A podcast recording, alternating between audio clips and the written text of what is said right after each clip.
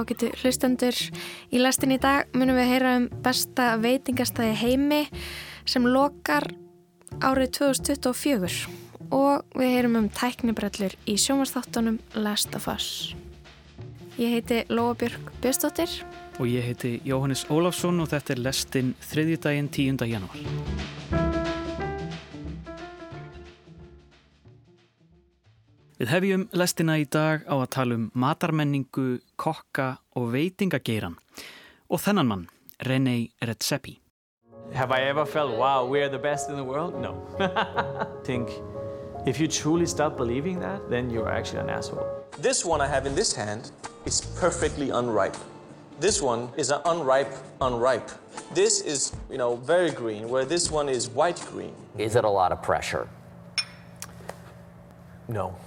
I have two kids, that's pressure. We have sweet deep sea shrimps that are incredibly rich, as butter almost. Because it's so creamy and buttery, we're actually playing with that texture. I just want a dish where everything's kind of raw still and uh, full of life. Then I'll add a few plants. René Redzepi, yfirkokkur á Nóma, tilkynnti á dögunum að markverðlina þryggja mislinstjörnu staðnum besta veitingastæði heimi verði lokað árið 2024 eða minnstakosti í þeirri mynd sem hann er í núna. Ekki verður hægt að panta borð en það verður tilraunastarsemi og þróun og hinn er einstaka pop-up viðbyrðir. Nóma staði sem opnaði í oktober 2003 í Kristjanshavn í Kaupanahöfn, nafnið, Nó, Nordisk, Ma, Mað. Það er aðal áherslan á nýsköpun og ráefni úr nærumkörnu. Það mætti kalla staðin vöggu matagerðar sem kallast New Nordic Cuisine. Til þess að ræða þessa lókunartilkynningu þannig að stað kokkin heimsfræga René Redzepi, einn áhrifamesta kokk samtímans og stöðu veitingagerans eftir COVID er veitingamæðurinn Ólafur Ólafsson komin. Verður velkomin. Takk fyrir. Ólafur, byrjum að ég að tala um Nóma. Hvað getur þú satt mér um hann stað? Ná, sko, Nóma er, er magna fyrirbæri og hérna eins og þú sagðir í inganginum þá náttúrulega er hann í farabróti í nýnorræna eldúsinu og sem að ég svo sem tók þátt í þegar það rætta hingað einhvern veginn 2005-06 sko. Og þar snýrist allt um einhvern veginn að hérna, endur uppgötva Norðurlöndin eða sem sagt nærumkörið mm. og það eru áhrifin sem að, sem að Nóma hefur haft bara, ekki bara í, á Norðurlöndunum heldur um allan heim. Í þessum sko fine dining hæsta dýrasta klassa veitingastæða sem eru fyrir veist, ríkasta 1% að borða á. En svo skilar það sér miklu, miklu víðar. Og það er, það er einhver vinna sem að, og sérstaklega kannski í Danmörku að því að þar hefur fólk tekið bara tekið þessu mjög fagnandi. Og það er einhver vinna sem er unninn á nóma sem að skila sér sko rækliðis líka bara inn á heimilin og inn í skólamötunetti og í hérna Já, sem sagt mat sem er ekki bara fyrir ríkasta 1% sko. Og hefur kannski svona áhrif á hugsunarháttakar og svona viðþorf til matar Já, 100% líka. sko og svo hafa verið skrifað margar lærða greinar um hérna The Noma Effect on, on Copenhagen sem að sko hvaða áhrif Noma hefur á Kaupmannhöfn bara sem, sem matar áfangastað og svona ferðamennsku þar þess að það er alveg rosalegt magna fólki sem að fer hann í gegn, magna kokkum og þjónum og fólk sem að vinnur hérna, þú veist, í hverjum service eins og við segjum í bransanum eru hérna, þú veist, það er allavega 30-40 kokkar og hann aðeins á þjónum að þjóna einhverjum 40 gestum. Þú veist, þannig að það er mikið magna fólki sem fer hérna í gegn og margt af því kemur annar starf frá úr heiminum og verður eftir í köpmunum og opna sín eiginstæði og langfæstir þeirra er einhverju svona hérna fínir. Þannig að það er Þetta er fólk sem að kannski opna sína eigin staði síðan eða fara að vinna á öðrum stöðum og kemur inn með þessi nóma áhrif. Já, með þessa filosófíu að, hérna, þú veist, upphælega var þetta kannski svolítið, þú veist, við, það er Hákamár Örvarsson skrifa undir þessar nýnorranu yfirlýsingu fyrir höndi Íslands og þetta var öll Norrlandi sem gerði þetta mm. og upphælega pælingi var svona kannski að, hérna, við þurfum ekki alltaf að segja vatni við lækin, mm. við eigum fullt Við þurfum ekki að vera að flytja en lamp frá Nýjasjálandi og, og Já, ekki bara það, heldur, sko, af hverju erum við... Hefðir þá. Já, já, af hverju er, hérna, auðveldara fyrir okkur að búið til spagetti bolognese heldur um plokkfisk þú veist þetta kynnslóðin sem er að alast upp og var að alast upp þarna þá vissi ekkert um norðan hráöfni og að það væri hægt að týna bara einhverja júrtir einhverjum upp í fjöllum og þær voru góður bræði. Þetta bara vissum ekki. Mm. Og þetta var svona svolítið upphæla pælingina sem ný norðan heldur sig sko. Mm. Og svo er, þetta, svo er það mjög kontrivessal sko að þetta sé gert á þessu háa leveli. Það sem að er svona mikið penningum og fáir geta notið þess og það er mjög, mikið skrifað um það til dæmis á svona amerískum hérna uh, matarmiðlum sem að uh, það eru nokkur level á þessu þetta er, þetta er flóki, flóki veröld en á þessum sko sem að tala um hérna matarkultúr þar er þetta svolítið svona litið hotnöga þetta allt saman, allt þetta fancy þú veist þryggja og þetta þetta er ekki matur fyrir fólkið heldur er þetta bara matur fyrir ríka fólkið mm. En ég menna, er þetta þá ekki bara sambarlegt uh, hátískunni? Við erum með tískusyningarnar í París og uh, þar fær útvalinn hópur fólks að horfa okkur listaverk og svo kaupir enginn þessi fött á tískupöllunum og svo, ég menna, Já, svo ratar það. Ratar það niður í Já, við erum, við erum bæði að já. reyna að forðast að nota trickle down. Já, það ratar niður í, í búðir og, og aðra staði. Akkurat, og áhrifin eru svo mikil og af þessari hugmyndavinnu. Mm og það er það sem að Renni hefur gert vel og hann er ekki í þessu, bara hérna, hans teimi hefur gert ofsalega vel er að vera með alls konar tilurna starfsemi prófa að hérna, þú veist, þetta er með einhver svona hérna, gerjunar uh, laboratori það sem hefur bara verið að gerja allan fjöndan mm. og svo ratar einhvað af því í matin á matselinu og annað ekki og svo er hægt að svo finna þeir einhvað sem er hægt að nota fjöldafræðinslu og einhvað þannig að þarna er bara raunveruleg hérna vísindastar sem í gangi sem eru bæði vísindafólk og, og hérna, matusfólk að brasa. Mm, en þessi maður, René, hérna, hvað hva veistum hann náttúrulega með frægari kokkum heims? Ætla hann sé ekki bara frægasti kokkur í heimi? Sennilega, sko, kannski Gordon mm -hmm. getur verið svona meira hásaldneim, sko. Uh, hann er mjög umdeldur og líka kannski vegna þess að hann er, hefur svolítið spilað sér svolítið, hérna, svona auðmjúkan uh, auðmjúskildi kalla típu sem að er svo ekki alveg innistæði fyrir að því það var þáttur fyrir reyndadaldi mörgum árum síðan sem var síndur í Kaupmannöfn það sem var svona verið að bara sína inn í nóma og þá kom hann bara út sem algjör fáti sko, mm -hmm. hann var mhm. bara að vera öskrand á fólk og hérna, hefur séð það Nei, ég, en ég hef bara séð að það sem ég hef séð frekar er sko svona umsagnir fólk sem hefur verið í eitthvað svona starfsnámi á mm. Nóma, fólk sem að vinnur undir hans sko eiginlega harðstjórn að það er þessi ægi og, og, og hans er svona eins og okkur hvað maður að segja? Já, einhver listur sem sko fasisma í, í, í avantgard fötum, þú veist, í grunninn þá, ég menna þannig að það er verið að þennja út mörkin og bara breyta matarmenningu og, og allt er rosa fínt en inn í eldhúsi það er eitthvað sem, sem í gangi. Já, og það, það hann hefur verið, og ekki bara hann heldur bara þessi, þessi endi maturislu gerans og veitingársu gerans mm. hefur, og sérstaklega kannski á síðustu árum hefur verið mikið gaggrindu fyrir akkur þetta. Mm -hmm. uh, og, og, og í Danmörku líka þar sem allir eru sem í vók, þar er sko litið mjög miklu hotnöga að það sé helmingurinn af öllum sem er að vinna þarna eru bara í sjálfbáðinu mm -hmm. sem að sko innan einhverja gæsilappa starfsnema en eru samt bara basically í, í sjálfbáðinu Já, að búa og til en rándýra mat Búa til en rándýra mat mm -hmm.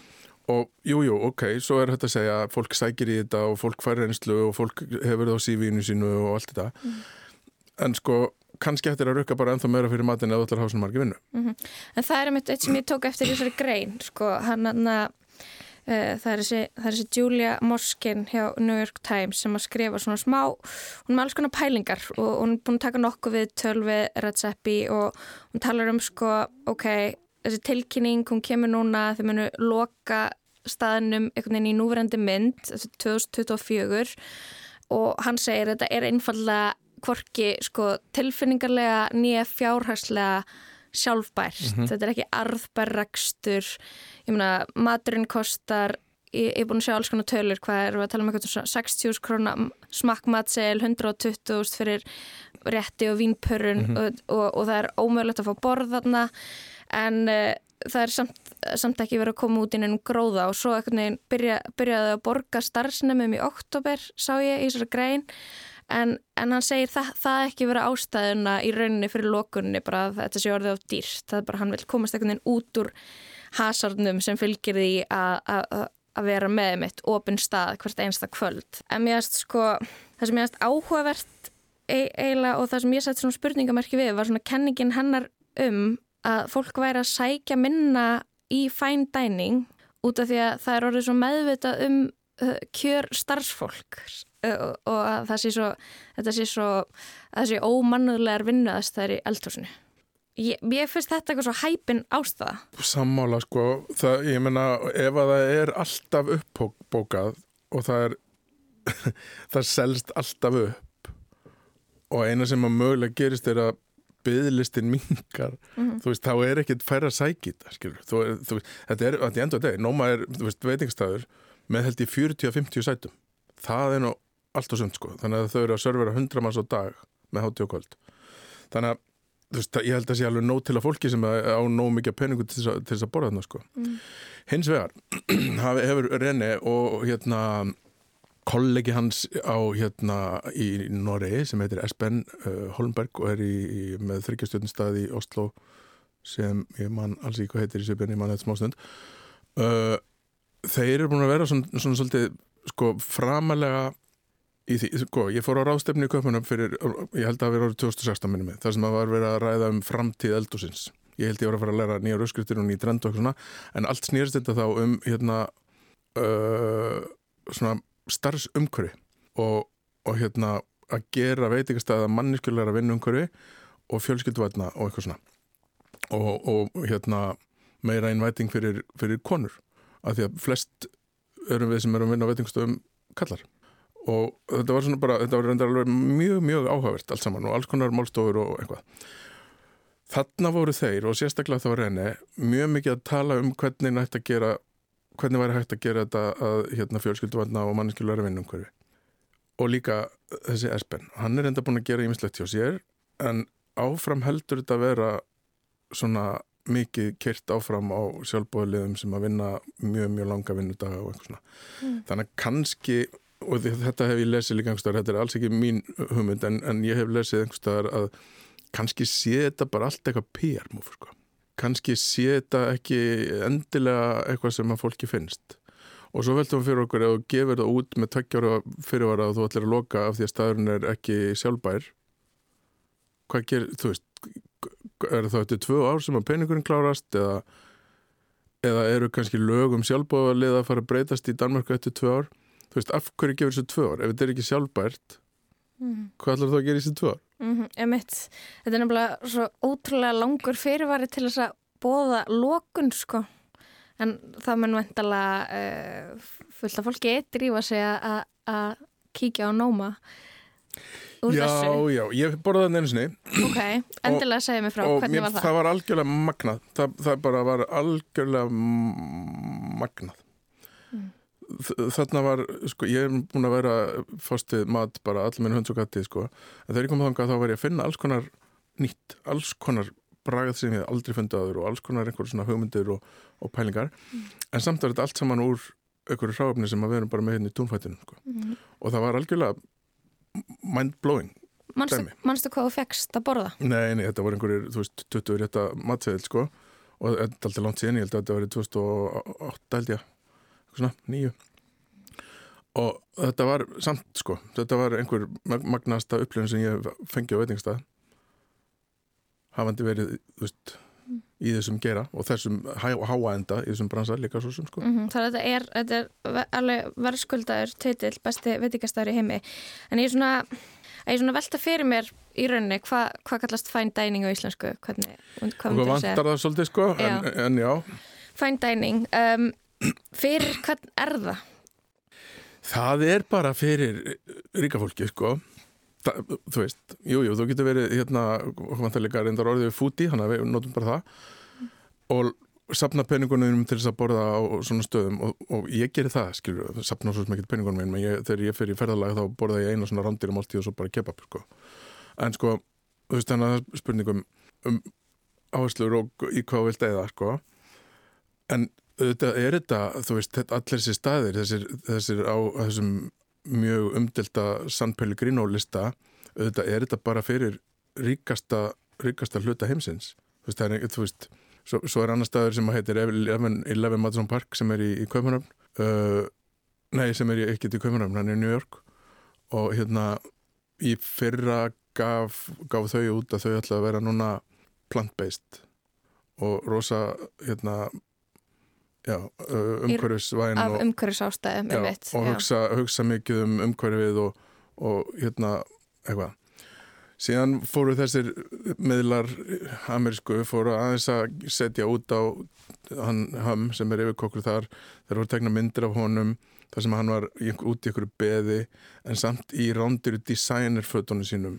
Veist, þetta er svo mikið veist, það er skóli sem að segir hætti þessu bara við erum bara á endan með að búið til mat. Mm. ekki vera að nota einhverjar skreiti ykkur einhvern stolnum fjörum. Og svo er annar skóli sem að segir það er frábært að þetta komi úr þessum enda vegna þess að fólk lítur upp til þessar fólks. René Redzepi, það er bara let's face it, það er bara við lítum upp til hans. Hann, hann er, það, það er snildi sem náunga. Þannig að áhrif Nóma og hans eru mjög mjög mikil um allan heim sko þó hann sé að skreita sér stólum fjörðum mm. og þegar það kemur, þú veist eins og Eleven Mattisson kemur og segir, við ætlum bara að vera hérna frá plant-based og þeir heldu fengu þriðju, sem sagt heldu þrem stjórnum og, og hérna eitthvað svona þrátt fyrir það og er að rukka jafn mikið fyrir auðvitað hefur þetta áhrif, auðvitað er þá þorir einhver sem er annar staðar að fara þessa leið vegna þess að það er einhver búin að prófa þetta í þessum hérna hæsta enda sko. mm -hmm, En ég er líka svona, sko hugsi yfir því að ok, það er þessi lókunutilkning og það mun loka 2024 en þetta mun halda áfram verða eitthvað svona tilruna eldhús eða tilruna stofa pop pop, og það verður pop-up þannig að það verður hægt að borða nóma mat áfram sko. Er þetta ekki bara eitthvað uh, vísbending um kannski bara að rekstra fyrir komulag svona stað að sé að breytast. Það kannski er ekki lengur málið að reyna að hafa staðin opinn öll kvöld, getur fækkað starfsfólkinu einu og svo haft opið, í, tekið ykkur törn, búið fólki upp á mat, tekið pásu, þú veist. Er, er það kannski líka eitthvað sem kom á skall? Er þetta kannski bara eitthvað svona innbyr vandi í veitingarækstri? Þetta þurfa að hafa opið alltaf og mm -hmm. þurfa að græða mikið á þriðidegi og lögadegi þegar það er ekki sumi dagar og, og já, já. sama eftirspurn eftir Nei, er, er það svo leiðis að hérna, það eru, þú veist, bara eins og hjá mér ég, á, á brút, við erum opið öll kvöld. Sömkvöld er bara mjög rólegt að gera og þá reynum við þetta bara að stýra hérna, starfsmannafjölda sem er á vaktinni í hvert sinn eftir því. Þú veist, og svo bara horfum við á bara eftir, eftir öll þessi ári bransanum þá er maður svo sem búin að læra bara að mánudagur eru liðlegir og lögdagur eru góðir, skilur þannig að maður mannar eftir því og reynir að lámarka skadan á rólegutögunum og hámarka hérna, innkomuna á, á hérna, dögunum sem að gera. Sko þar sem að er, er mjög stilega áhugaverð samt í þessu er þessi, og, og ég er mjög ánað með og er búin að vera að tala mjög mikið um í mörg ár, er að við þurfum að þrátt fyrir að við vinnum á veitingastað þá þurfum við ekki að vera að keira okkur út. Það er rosalega, fólk brennur rætt uh, veist, ég, ég er 53 og ég er held ég Siggi Hall er eini sem er eldri í bransanum heldur en ég sko.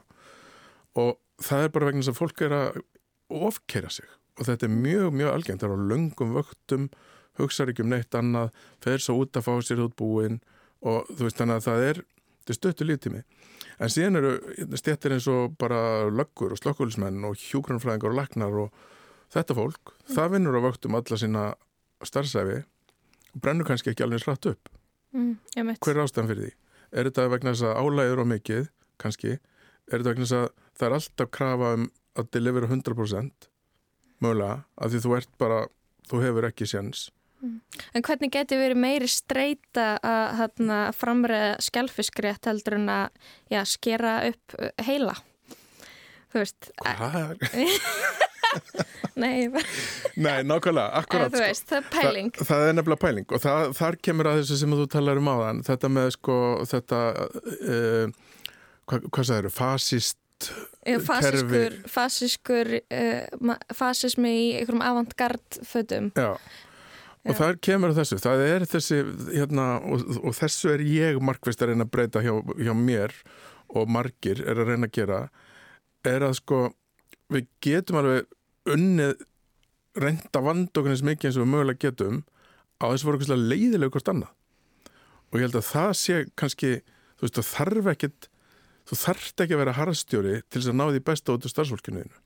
Já, það er framandi hugmynd Það er framöndu hugmynd í þessum bransa, já. alveg hundra og, og fleirum sennilega líka, en það er þetta þessi hýrarkía sem svo sem þarf að vera til þess að hérna, maskinan gangi upp, það þarf að vera hver þarf að hafa mjög amark og skýrt hlutverk til þess að, þú veist, á, á þessu high pressure tímabili sem að þjó- þjónust á veitingastæðir þá þurfa allir að hafa mjög skilgrænt hlutverk og þú getur ekkert færið að blanda inn eitthvað annað og það, það þarf að vera alveg skýrt að sá sem stjórnar stjórnar.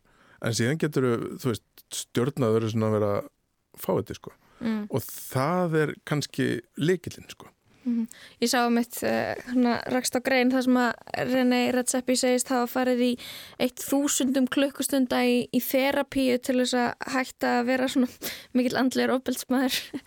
Aha, Já, hann segir það, eða þú veist, bara til að vinna úr því svona, að, hann segir ekki andlegur ofbeldsmaður, hann segir bulli, eineltissekkur. Já. Þannig að mér finnst það mjög áhugavert. sko. Já, ég ég, þú veist, ef þú hlustar á podcastið hans, hérna, David Chang til dæmis, hann hérna, er voða mikið í einhverju sjálfsveinu og, og hérna, talar endalust um það, sko, sem er gott, þú veist, auðvitað á endanum hljómar þetta svolítið eins og eitthvað, hérna, já, já, já, ok, þú ert frábær, en aftur, þeir eru svo miklu fyrirmyndir, þessi gæjar, að, hérna, við setjum hérna í, í útarpinu á Íslandi og erum að ræðum sjálfsvinnu tvekja frægustu kokka í heimi. Þannig að það skiptir alveg máli að þeir láti í sér heyra. Og það skiptir máli líka að bara eins og David Chang líka segir ég veit alveg að ég hegðaði mér illa en núna er ég hættur því og er að vinna í því og þau geta hætti líka It's fun, isn't it? But here's the thing. You're terrible at this. You're no good at it. Go faster, motherfucker. Keep going faster. Why are you so slow? Why are you so fucking slow? Why? You think you're so tough? Yeah. Why don't you say this? Say, yes, chef. I'm so tough. Yes, chef. I'm so tough. Say fucking yes, chef. I'm so tough. A taste much sweeter than wine. Með reglulegu millibili þá eru veitingamenn í fjölmjölum að tala um að rekstrarum hverfi sé ómögulegt. Það, það, já, það þarf að borga svo há laun og það er, það er svo háir skattar og matur er svo dýr og það, þetta er orðið flókið að, að reyka veitingastaf við sáum bara með áramótinu lokaði Kúkus Nest sem var svona mjög uh, Sorglegt, mjög sorglegt og já, svo eru veitingamenn í fjölmjölum að, að tala um hvað þetta er erfitt og svo um daginn þá, þá kemur Jón Myrdal veitingamæður og hvetur fólk í rekstri bara ekki verið óhrætt við að rukka meira og svo er, er fólk að mitt að kvarta yfir sé orðin dýr, hvað sé dýrst að út að borða. Þetta er einhvern veginn dýrt fyrir þá sem að selja matinn, dýrt fyrir þá sem kaupa matinn. Ég meina, er þetta eitthvað öðruvísi núna heldur en fyrir COVID? Er þetta orðið eitthvað erfiðari rekstur? Hvað hefur breyst? mm, Það hefur ekkert mikið breyst ekki þannig séð kannski erum við farin að þú veist, þetta hefur alltaf verið viðkomur business. Og ef við bara hérna, það er algengt að business model veitingastæðar sé að þú viljir fá einhvers staðar melli 5 til 8% hagna út úr fyrirtækinu sem að er mjög mjög látt á hérna, öðrum skölum. Það þarf ekki að vera neitt hagfræðingur til þess að fatta að það má lítið út að bræða til þess að það klikki og, og það er lítill sko, það er lítið svigurum þegar þú ert með svona lit, litla hagnaprósendu og það er kannski það sem að fólk er kannski orðið óhrættara bara við að segja þetta upphátt. Ég held að það geti verið vegna þess að við vorum bara öll í, í bara rosalega erfið málum í gegnum COVID og erum ennþá vegna þess að núna við, þurfum við að fara að borga þessi COVID-lán sem fengum og frest á sköttum og eitthvað. Það er að detta núna inn á sama tíma og launar hækka og ég bara vil mjög gerðan borga fólki massamöndu laun. En það er það sem að Jón var að segja held ég er að til þess að bregðast þessu til þess að geta, þú veist ég er með 35 manns í vinnu. Ef að ég ger ekki eitthvað í mínum business til þess að bregðast við þeim hækkunum sem að koma þú veist, áfengisgjöld aðföng er að hækka laun er að hækka húsaleg er að hækka ég get ekki haldið sem er verðum það, það, það segir sér sjálft En mér er svo áhugavert að, að, að staður sem að kannski selur uh, kjúklingavengi og, og tacos og, og nokkra koktela uh, á okkur ákveðin pening uh, ég sko eigi erfitt með að reka sig Mm. en líka á sama tíma staður eins og Nóma þar sem að maturinn kostar 100.000 fyrir borðið að þá þarna, að það sé heldur ekki arbæst. mm Mér finnst það forvitnilegt. Já, já það, það er alveg satt, það er mjög, mjög áhugavert sko. Þannig að er ekkert þak. Ég menna, út af því ekki eru kokkarnir á Nóma að fá uh, mig, neinn sérstök laun og ég, ég menna, ég veit ekki Nei, en eins og ég sagði það, ef þú ert með 30 manns í, í vinnu við 30 manns mm Já, emitt. þá er ekki þá, þú veist, kakan skiptist á milli svo rosalega margra Út af því að einhver hefur það afmarkað hlutverk að plokka í sundur jurtir Já. með Já, bara eina tegund á jörtum sko. eina tegund á jurtum með flýsatöng og mætir í vinnuna til að gera það. Einmitt. En svo heyrði ég sko að, að eftir COVID hefði verið minnsta endurkoman í fine dining. Er það þín tilfinning að fólk sé að missa áhugan á, á, á þessu? Vil ég bara frekar fara á einhverja, þú veist, gera eins og Anthony Bourdain og fara á eitthvað stað sem er algjör lauma einhverju, skilur mig, heldur en að fara á þennan stað sem er með þrjár missinstjórnur og borga ókslega mikið. Já og nei sko, vegna þess að á sama tíma eftir COVID þá kom önnur missinstjarnar í Reykjavík Já, og óks. Já, Já. núna eru tveir staði með stjörnu Mhm. og það er aftur bara, það er, þetta eru fyrirmyndinar þetta er það sem að við horfum upp til Mhm. við horfum á Ox og, og Dill og sem, ok, þetta er fólk sem að virkilega, veist, við hor- horfum með aðdáðan á þetta fólk sem er að vinna þar. Þannig að það gerir bransanum mjög gott að, að séu svona velun og hérna, við getum hortangað upp sko. uh, ég held að það er engin að fara að borða þryggja missinstjórnum máltíð tvisar á dag, það nenni því engin þú veist, þú þarfst að setja ákveðan stellingar. Þú, þú veist, fari í sparifötin og hérna vera kurtis kannski langaði bara í, í þú veist, kjúklingavangi og bjór og, og einhverjum írskum bar, skilur og það er þá líka bara frábært þetta þarf alltaf að vera til við, við erum svo sem, minn staður er bara einhver staður svona millibil, þetta er ekki fændaðin og heldur ekki einhver slömm sopa Nei, þetta er, ekki slömsjoppa. nei, nei, nei. Nei, en sko þú veist þannig að við erum svona, jújú, jú, við erum alveg herri endanum sko og fólk vil koma til okkar og bara, en við erum mjög svona casual. Og ég held að það sé kannski líka það sem er að breytast. Meiri sé í þessum hæsta, hæsta enda er að þjónustan er, er orðin miklu afslappaðri. Allt er, þú veist bara, ég man bara til talandi um Reynir Redzepi hann neitaði alltaf að setja dúka á borðin og þá hann sagt að þú fær aldrei þriðustjórnuna nema að setja með dúka á borðinum hann sagði, þetta bara er ekki við. Við erum bara við erum bara að allt snýst um matinn og þjónustuna Mm. ekki umhverfið og umgjörna sem að, þú veist er líka hægt að setja spurningumarki við þegar þú ferð og byggir heilt hverfi á eigu eða ekki snúast um umgjörn Æ, skilur, þetta einmitt. er svo þetta, þetta er þetta bara endalust af einhverjum núinsum og maður þarf að taka bara úr því það sem að hendar manni ef það hendar mér best að hérna og það er fullt af fólki sem fer einhvert bara af því að það er dýrt. Það er fullt af fólki sem kaupir þessa vínflösku bara af því að hún er dýr. Veist, þetta fólk er til og þetta fólk því miður heldur svolítið lífinu í mörgum veitingastöðum. Og svo er til fólki sem kemur og borðar bara af því að þeim finnst gaman að borða góðan mat. Og það er fólki sem ég, mér finnst mest gaman að fá til mín sem að virkilega er þakklátt fyrir það að við skulum vera búin að finna besta ráöfnið, finna bestu leiðina til þess að gera það og hérna láta fólki líða vel, það er ástæðan fyrir að maður er að hanga í sem bransa, það er ekki peningandi sko þú veist, það er þetta við erum í það bara, erum í því að gleðja fólk þannig að já, Ég veit. Um, svo þessi, þessi grein sem þú bendið mér á og þú veist hvort sem er ekki að fara að bóra náma Já, þú veist hvort sem er ekkert að fara að borða á Nóma.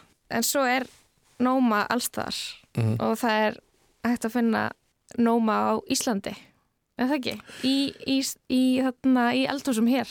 Jú, algjörlega og, og sko, og ekki bara hér bara, bara, bara áhrifin eru endalus og það er þetta sko bæði þetta farm to table og það eru kannski áhrifin sem eru hvað mest er að uh, þessir staðir og þá, setjum við nóma í miðjuna og svo kemur, koma staðir veist, sem eru í þessum topp enda á þessum hérna, já, einhverjum listum þeir verða til þess að hérna, grænmyndisbændur eru farinir að rækta öðruvísi grænmyndi sem að ratar svo á staði sem að eru í, í næstu kategóri fyrir neðan og næstu þar fyrir neðan. Þannig að ráefni sko þeir sem að framleiða uh, ráefni sem framleiða, bændur bara framleiða landbúnaðvörur sem er það sem við erum að ágreða og, og, og, og hérna á veitingsstöðum krafan um gæði frá þeim er orðið miklu miklu hærri. Og þá sérstaklega kannski Evrópu Uh, og meiri að í Ameríku er komin meiri krafa um sko, sjálfbærni í ræktun um lífrannaræktun um sko, manniskulega að, hérna, hvað er þetta uh, meðferð, meðferð dýra, dýra mm -hmm. og jafnvel líka eins og ég var að tala um hérna, plant-based eldhús mm -hmm. þetta allt saman skiptir ofbúslega miklu máli og þetta held ég að við ættum að taka með okkur sem Noma og René Redzepi effekt á heiminn er sko uh, hvernig honum og þeim þarna hefur tekist að hérna, íta gæða framlegslu í landbúnað upp. Ólur Örn, þakka er kellaði fyrir komuna í lastina. Takk fyrir mig.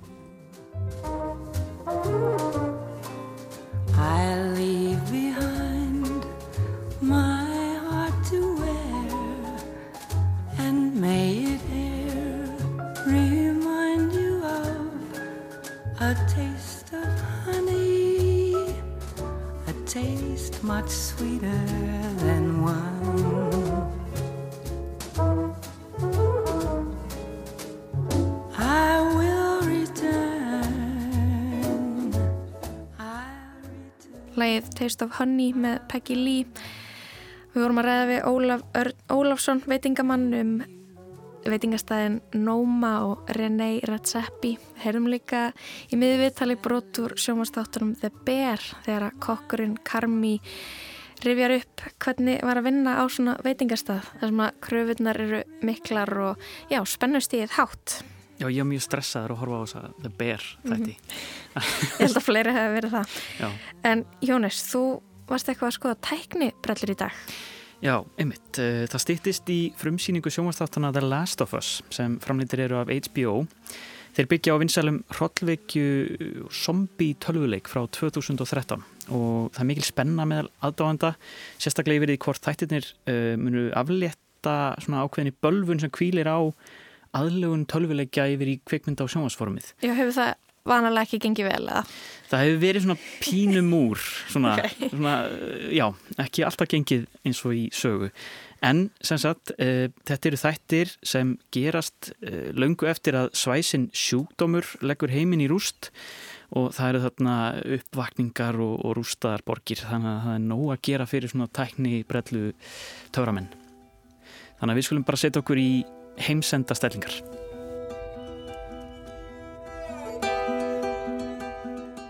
Árið 2013 kom út bandaríski hrollvekju og zombi tölvuleikurinn The Last of Us.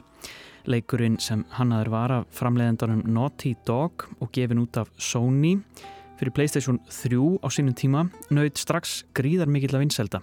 Hann vann til fjögura veluna á tölvuleikja velunum BAFTA árið 2014 fyrir besta ævintýraleikin, bestu söguna, besta hljóðið og besta leikin og varð fljótt einn af máttarstólpunum í Playstation fjölskyldunni. Framhald leiksins The Last of Us 2 kom svo út árið 2020 þar sem sögunni var haldið áfram þar sem fyrirleiknum slefti. Þetta er hrollvekja eins og fyrr segir sem tilherir zombi heiminum. Sagan gerist í ímyndaðri framtíð í bandaríkjónum 20 árum eftir að heimslit verða vegna óhugnalegar farsóttar sníkju sveps sem herjar á mannkinn og leggur allt í rúst. Stærsti hluti mannkins hefur farist eftir að hafa sígst en þó ekki farist því hinnir smituðu breytast í skinnlausar skeppnur árása gjarna uppvakninga sem ráfa um heiminn. Eins og gefur að skilja eftir svona hrikalegar hamfarir er samfélagið með öllum sínum innviðum í rúst. Þar sem náttúran hefur fengið að leika lausum hala í manngerðu umhverfi, borgir að hruni komnar þar sem gras og gróður sprettur upp úr malbygginu. Um þessa skuggalegu sviðsmynd vafra svo hinnar sveppa síktu ófreskjur, menn en þó ekki, afmyndaðar af skelvilegum sjúkdómi tilbúnar að ráðast á ósíkta eftir lifendur. Aðal söguhetjan í The Last of Us sem spilarar fylgja að stæstum hluta er þögla típan og Texas töffarinn Joel sem ásamt dóttur sinni Söru og bróður Tommy nær að komast undan við ramman leik þegar að sjúkdómurinn brýst út. 20 árum síðar vinnur hann sem eins konar smiklari á samt nokkrum öðrum eftirlifendum og fær það verkefni í hendur að smikla 14 ára stelpu, Ellie, koma henni á ákveðin stað í örugt skjól en veit þó ekki alminlega hvers vegna hann ætti að hætta sínu eigin lífi fyrir hana. Þau halda svo yfir þver og endilöng bandaríkin og á vegi þeirra verða ýmsar ógnir bæði mannlegar og ómannlegar. There you are. Sarah, are you okay? Yeah? Has anyone come in here? No, who would come in here? Don't go near the doors. Just, just stand back there. Dad, you're kind of freaking me out. What's going on? It's the Coopers. Something ain't right with them. I, I think they're sick. What kind of sick? Jimmy! Dad? Það sem einkendi og einkennir The Last of Us var sagan, djúpar personur og myndrænar áherslur, þar sem langar leiknar senur skiptu jafn miklu máli og hasarinn og ofbeldið sem spilarar máttu þóla. Það var því aðeins tímaspursmál hvenar sagan myndi rata á kvítatjaldið og hafði nokkur sinnum verið reynd við það en án árangurs. En nú, tíu árum síðar, hefur stúdióið HBO framleitt sjómarstætti sem byggðir eru á leikjónum og verða þeir frumsýndir nú í janúar. Mikil eftirvænting hefur verið vegna þáttana, handrit og leikstjórn er í höndum þeirra Craig Mason sem gerði garðin frægan árið 2019 fyrir þættina Tjernobyl og Neil Druckmann, annan leikstjóra tölvuleiksins. Aðalhutverkin Joel og Ellie eru leikin af þeim Pedro Pascal og Bellu Ramsey sem meðal annars leku í hinnum margrómuðu Game of Thrones. If you don't think there's hope for the world, why bother going on?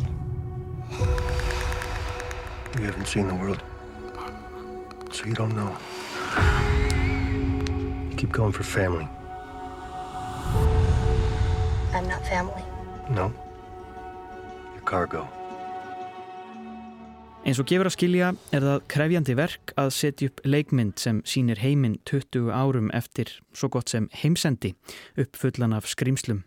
Og þar koma tæknibrellur mikið við sögu. Hluti þeirarvinnu var í höndum íslenska framleiðslu fyrirtækisins Ervaf X og ég leitt þar við í dag.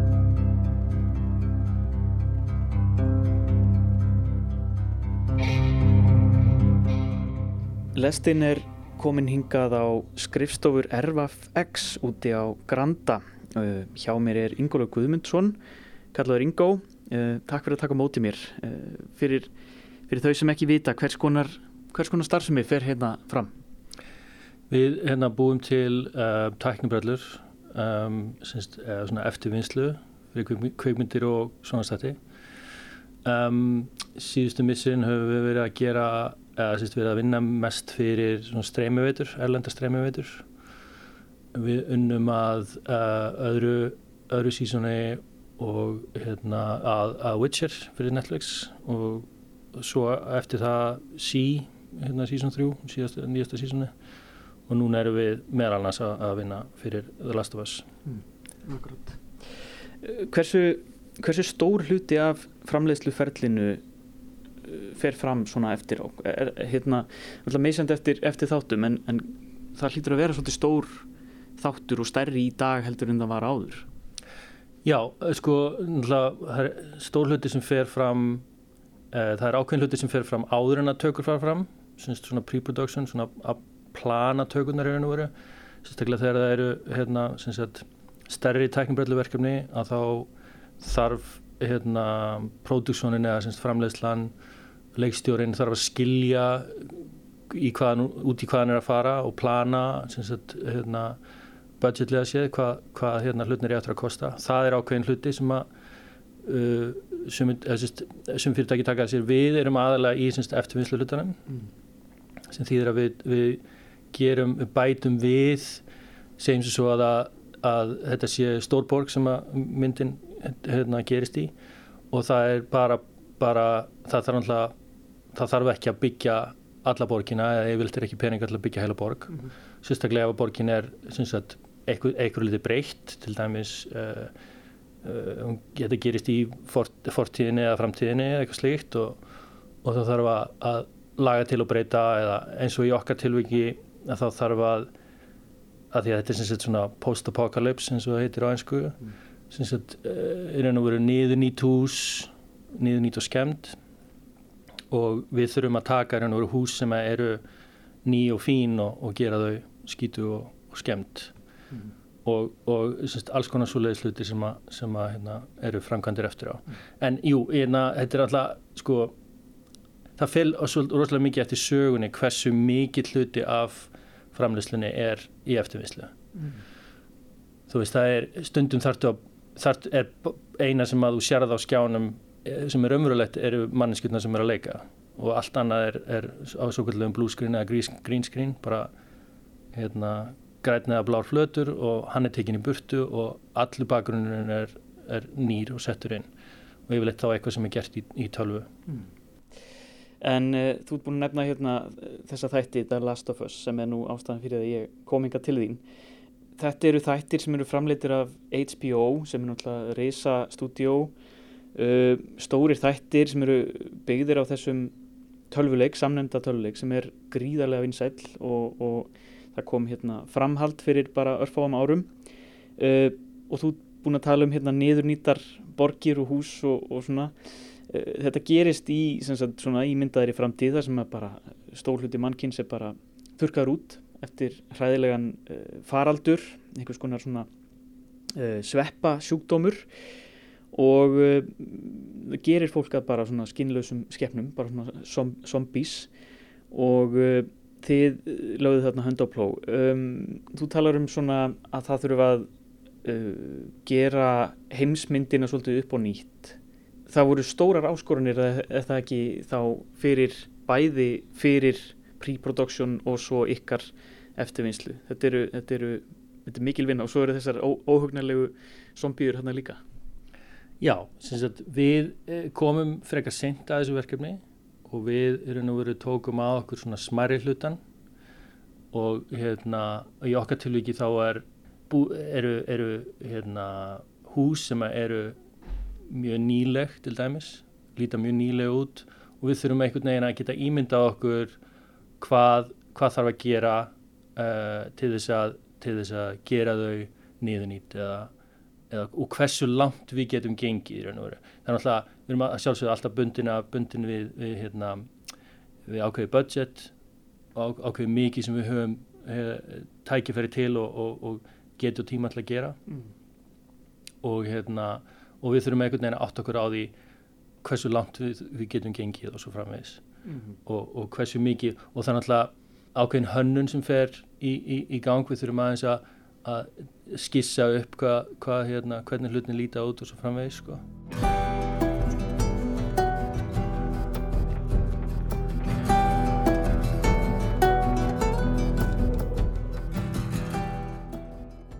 Þessi saga gerist sko 20 árum eftir að það er þarna þessi faraldur fyrir af stað og, og við erum búin að lýsa hérna heilu borgunum sem eru í rúst og, og svona. En væntalega grunnurinn er borgir, eins og lýsir borgir sem eru til og svo þarf bara að eðalegja þær og, og búa til þessa verur. Er, er það ekki, þú veist, þetta er ekki bara leikarar í grínskrín Nei, alls ekki.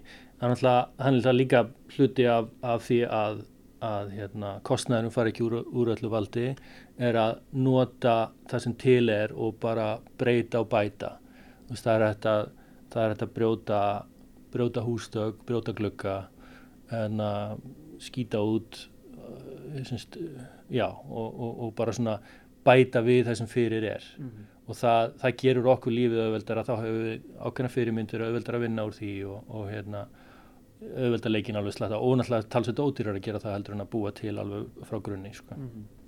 Varðandi þessar uh, verur, þetta er sko þetta er hluti af svona zombie zombie kvikmyndaheiminum sem er náttúrulega risastór og með ólíkar tegundir af uppvakningum og, og þetta eru þetta eru oft uh, svona vírussjúkdómar eða, eða bara hreinlega einhver, einhver svona þeir vakna upp við eitthvað eitthvað góðsögulegt en uh, þarna er sem sagt einhver svona sveppa sjúkdómur sem veldur þessari uh, þessari veiki og, og fólk breytist í þessar, þessar uh, verur.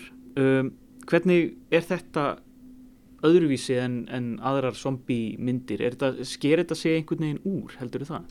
Sko ég, ég veit að þessi þetta er sem sagt sveppur sem að er til í náttúrunni þetta er sveppur sem heitir Cordyceps held ég. Og hann, hann er þetta er svo kallar zombie sveppur og þetta er hérna, hann, hann ræðist á held ég um, maur á skortýr og, og í raun og veru getur upp tögakerfið þeirra eða getur það upp að innan en stýrir á þeim tögakerfinu þannig að þeir, þeir fara bara að lappa, lappa finna hæsta punkt lappa þangað upp og svo, sprett, og svo, svo sprettur upp úr þeim svona hérna, einhver, einhver um, stöngull. stöngull og þeir, þeir, þeir gefa frá sér svona hérna, uh, sagt, fræ mm -hmm. uh, svepsins og það er verið að ímynda sér það að þetta gæti þá hérna, ráðist á mannin, manninskjurnar og gert svipaða hluti og, og, og þannig hérna, takið þetta yfir, yfir man, mannkinnið mm -hmm.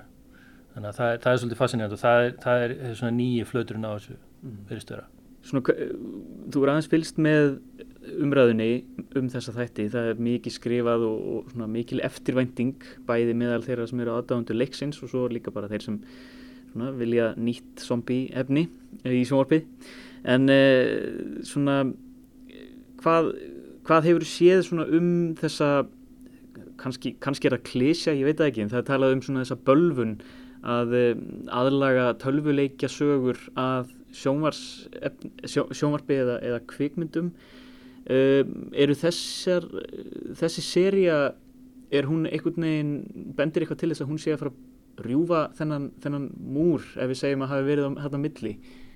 Það virðist vera það virðist vera tílitunni til að, að þetta, er þetta er náttúrulega saga sem að er kannski auðveldara að, stað, að færa yfir í þetta form heldur en aðra sögur tölvuleikjana. Mm.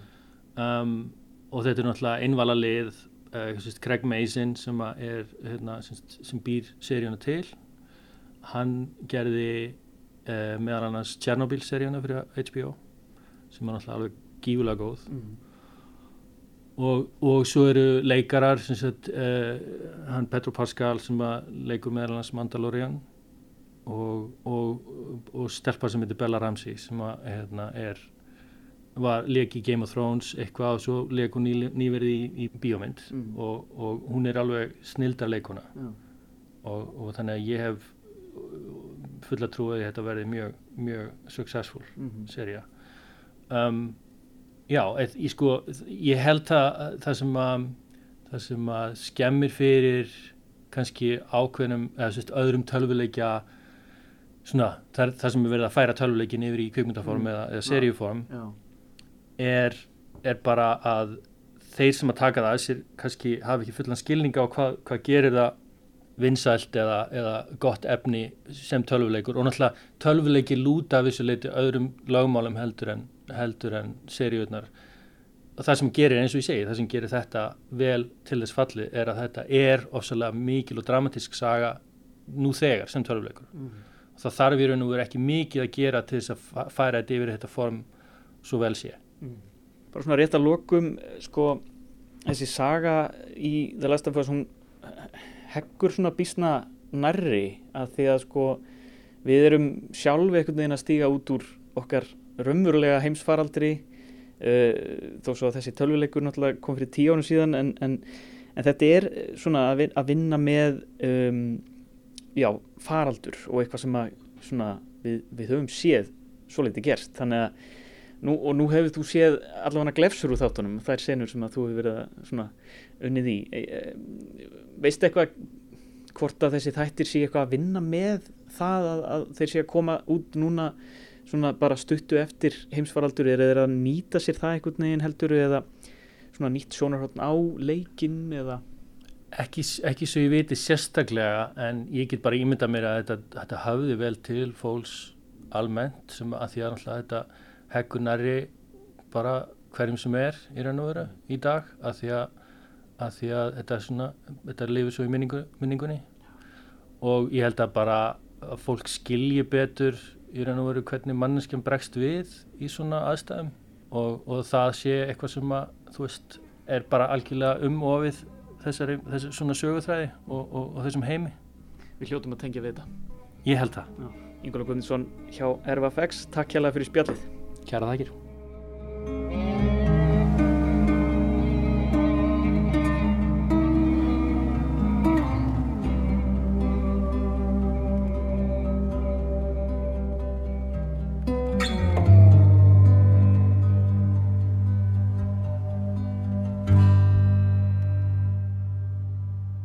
Tónlist eftir argentínska tónlistamannin Gustavo Santaolalla og er úr tölvuleiknum The Last of Us.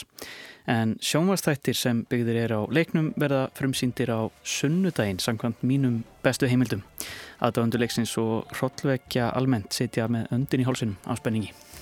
Um, í fyrirluta þáttar rættu við við Ólafur Ólafsson veitingamann um kokkin René Redzepi yfir kokkurinn á Nóma sem að tilkynnti á dögunum að þessi staður besti veitingastæður í heimi myndi loka en ekki alveg strax loka árið 2024 Þátturinn verður ekki lengri í dag, við verðum hérna aftur á sama tíma á morgun. En hvena sem er í spilara og, og hlaðvarsveitum? Tæknum aðeins í dag var Kormakur Marðarsson. Takk fyrir að hlusta, verið sæl.